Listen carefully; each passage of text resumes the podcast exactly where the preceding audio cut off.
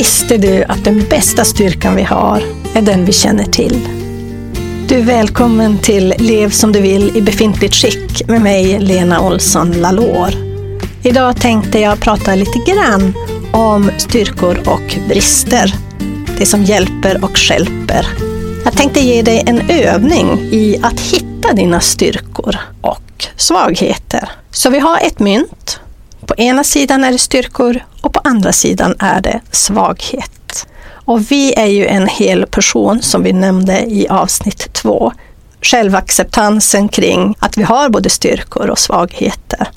En del personer har lätt att hitta sina styrkor och en del av oss har det inte så lätt att ta fram de här styrkorna. Vi är inte så vana att rabbla upp och lista våra styrkor. Vi är helt enkelt bättre tränade på att se våra brister och svagheter för att vi vill förbättra oss så vi får vara med i ett sammanhang, i gemenskapen. Så det är helt naturligt. Ta fram papper och penna eller mobilen och skriv i anteckningarna där. Gör två kolumner. Överst i första kolumnen skriver du styrkor och i andra svaghet. Och så börjar du din brainstorming. Vad är det som kommer till dig? Skriv upp dem och sätt dem i rätt kolumn. Och var sin rad för var deras styrka eller svaghet. Det du sen ska göra är att fylla i den andra kolumnen för samma styrka eller svaghet. Så har du fått fram en styrka, jag är noggrann, vad skulle då svagheten till samma styrka kunna vara om du vänder på slanten? Här ger jag ett exempel. Jag är pedantisk, skulle det kunna stå då i den andra kolumnen för den styrkan. Om du skrev ner en svaghet, till exempel jag är dålig på att passa tider. Och så vänder vi på myntet, Se andra sidan.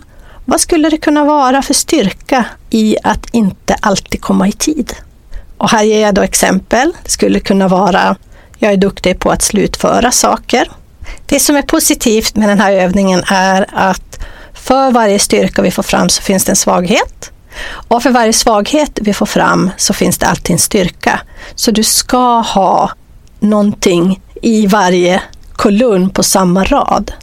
Och det här är inte för att vi ska vara så noga med vad det är, utan det viktiga för dig är ju att se när du kliver över gränsen, när det är hjälpande till att det blir skälpande. om styrkan är att du är noggrann, då blir det ju viktigt för dig och veta din gräns när styrkan att vara noggrann blir en svaghet för dig.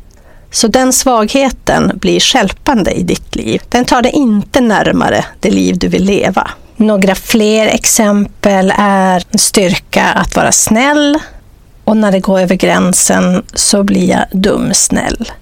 Jag kan vara bestämd och när jag är för bestämd då blir jag sträng. Jag är flexibel och när jag är för flexibel kan jag bli slarvig. När jag är följsam och när det går över gränsen så kan jag bli för anpassningsbar. Jag kan vara envis och om det går över gränsen så kan jag bli tjurskallig. Så du ser självacceptansen här också. Det gör inget att du har en styrka och en svaghet, hela myntet. Utan du behöver lära dig gränsen när det går från hjälpande till skälpande. Det är det du ska vara uppmärksam på. Så ta den här lilla övningen med dig. Skriv upp de här kolumnerna. Det ska finnas både en styrka och svaghet. Och det kan ta lite tid att grunna över detta. Och det är helt okej. Okay. Ta den tid du behöver.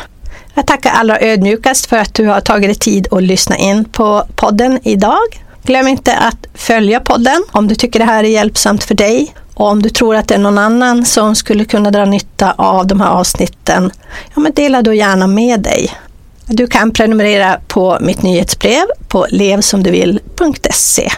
Vill du mejla och komma i direktkontakt med mig så gör du det bäst på hej levsomduvill.se. Tills vi hörs nästa gång, ha det så gott!